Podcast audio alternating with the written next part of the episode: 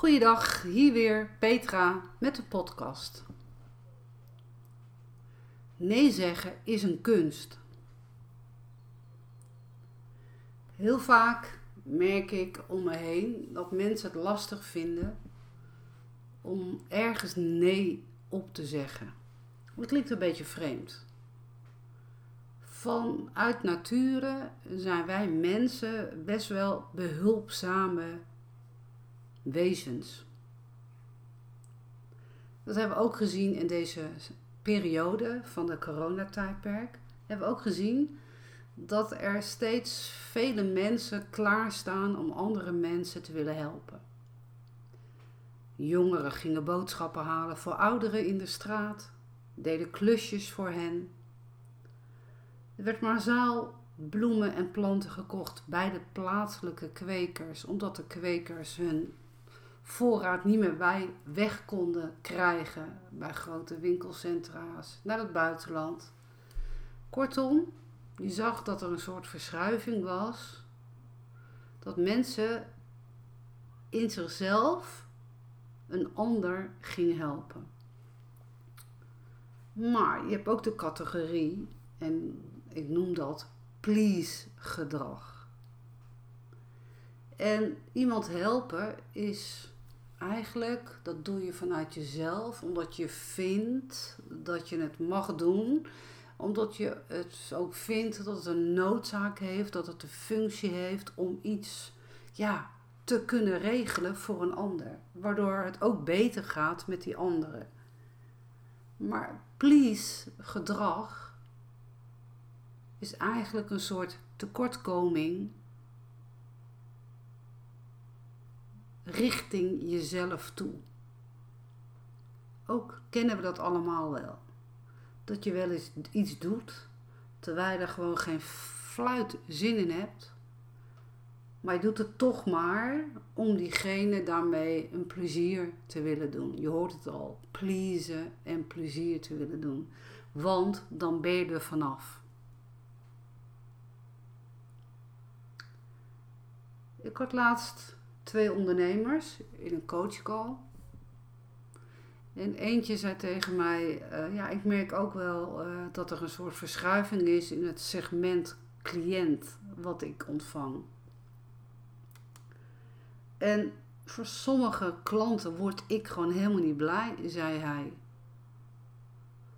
En ik antwoordde eigenlijk terug: Maar ik heb jou eigenlijk toch geleerd of ik zeg altijd tegen jou, je moet doen waar jij blij van wordt. Want dat is namelijk een hele hoge trilling. Dus een andere trilling waar je veel meer voor elkaar krijgt.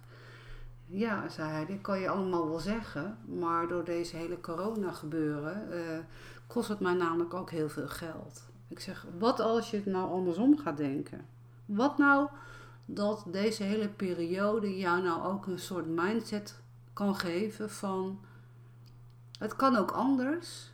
En ik hoef niet cliënten te behouden waar ik me eigenlijk helemaal niet goed bij voel. Waarom is dat? En ik leg hem eigenlijk uit dat die mensen waar hij zich niet goed bij voelt, is een hele lage energie. En die mensen kopen wel de producten allemaal bij hem, want hij heeft gewoon goede producten. Maar hij wordt moe van het e-mailverkeer. Hij wordt moe van al het geklaag wat ze altijd doen. Maar toch zijn deze mensen tevreden met zijn kwaliteit van producten. En toch vindt hij het hinderlijk omdat hij eigenlijk, zegt in zijn woorden, gestalkt wordt met hun e-mailverkeer. Of dat ze hem constant zitten te whatsappen of te bellen. En hij zegt dan letterlijk met hun zeurverhalen. En daar kan hij slecht, slecht mee omgaan. Ik zei eigenlijk tegen hem, dus eigenlijk ben je gewoon alleen maar bezig met pleasen. Je durft geen nee te zeggen tegen deze klanten, want één, je bent je inkomstenbron kwijt. En twee, je denkt aan je eigen portemonnee, wat ik heel goed kan begrijpen. Maar je doet jezelf erin tekort, want je ergert je helemaal rot. En jouw energie wordt laag naar beneden getrokken. Waardoor je eigenlijk, als je die mensen aan de lijn hebt gehad of tot die e-mails hebt beantwoord, kom je niet toe in een andere focus om het nieuwe segment klant aan te trekken. En hij keek me aan bij de Zoom-sessie. Ja, Peet, je hebt ook eigenlijk wel gelijk. Want ik word daar zo moe van. Het is net of ik helemaal leeggetrokken word.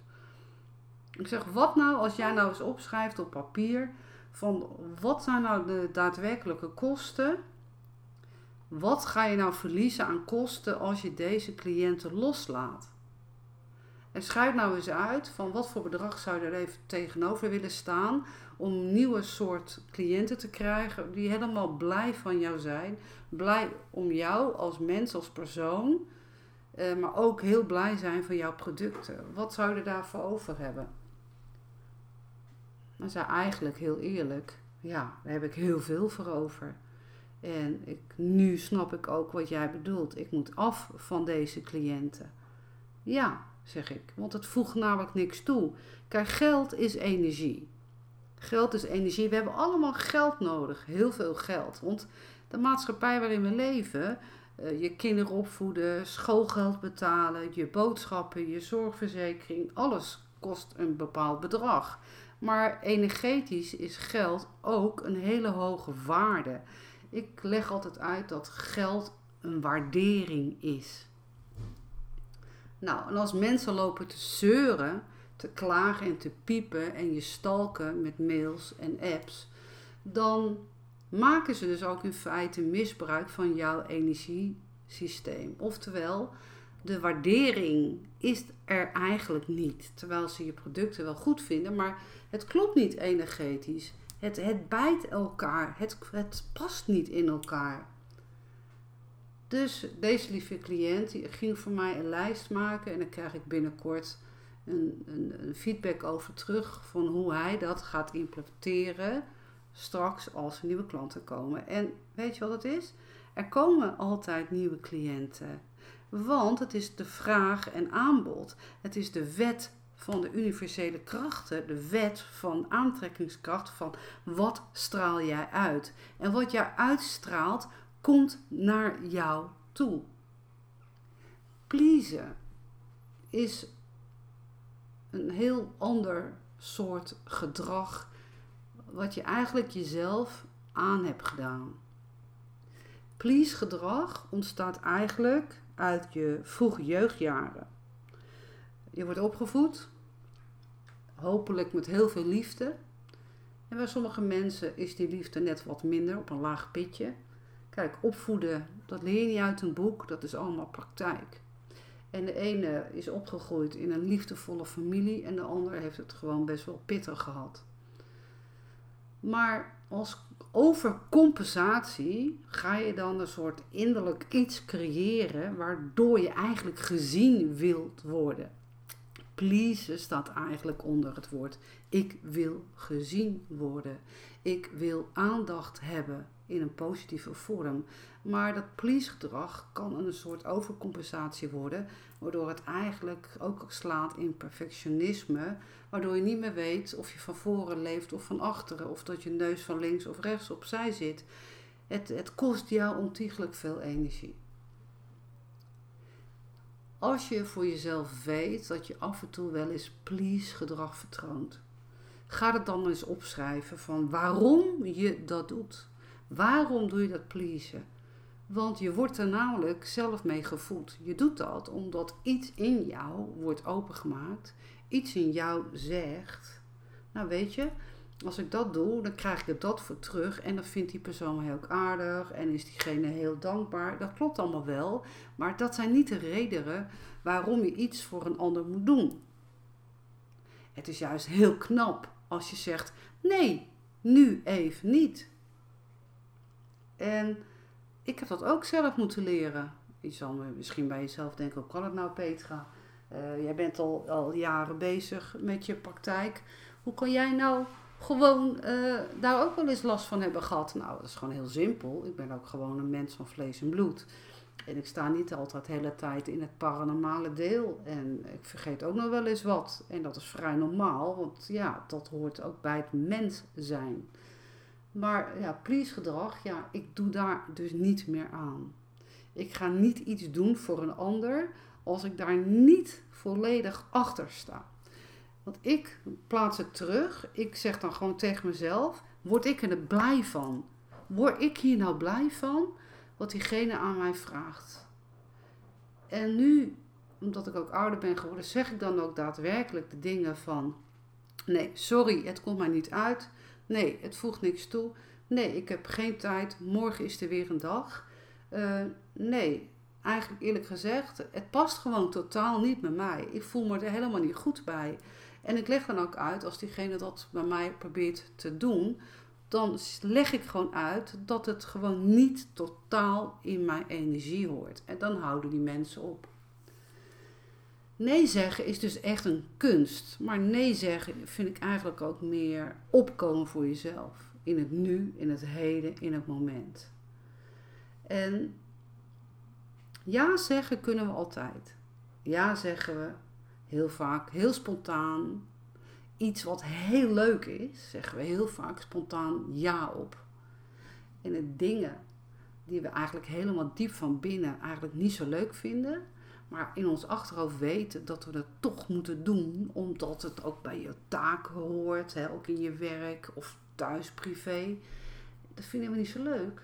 Maar eigenlijk is het gewoon de kunst om erover te praten. Waarom vind je het niet leuk? Waarom heb je het gevoel dat mensen je gebruiken? Hoe knap is het voor jezelf als jij uitlegt dat jij je gebruikt voelt door een ander? Of dat mensen jou voor het, hun eigen karretje spannen? Hoe knap is het als jij dan zegt van, nou weet je, ik heb het gevoel dat jij dat steeds aan mij vraagt omdat ik altijd ja zeg. En nu zeg ik een keer nee, want het voelt gewoon niet goed voor mij. Weet je, dat is hartstikke knap als je dat tegen jezelf kan zeggen. Dus, ik eindig deze podcast met: ga eens vaker nee zeggen. Schrijf het helemaal uit voor jezelf. Voelt het goed voor jou om nee te zeggen?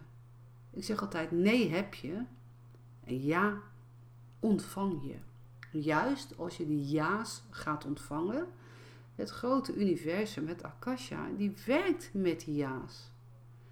Als jij die dingen blijft doen die je stagneren, waar je niet blij van wordt, dan ja, ziet het Akasha ziet dat niet. Die zendt dan andere signalen uit in een andere trillingsvorm die naar je toe gaan. Waardoor je steeds maar in hetzelfde blijft hangen, waardoor je niet in die verandering komt. Dus zeg vooral lekker nee. Je krijgt er een dikke ja uiteindelijk voor terug. En daar gaat het om. Dit was het weer voor vandaag. Tot de volgende podcast.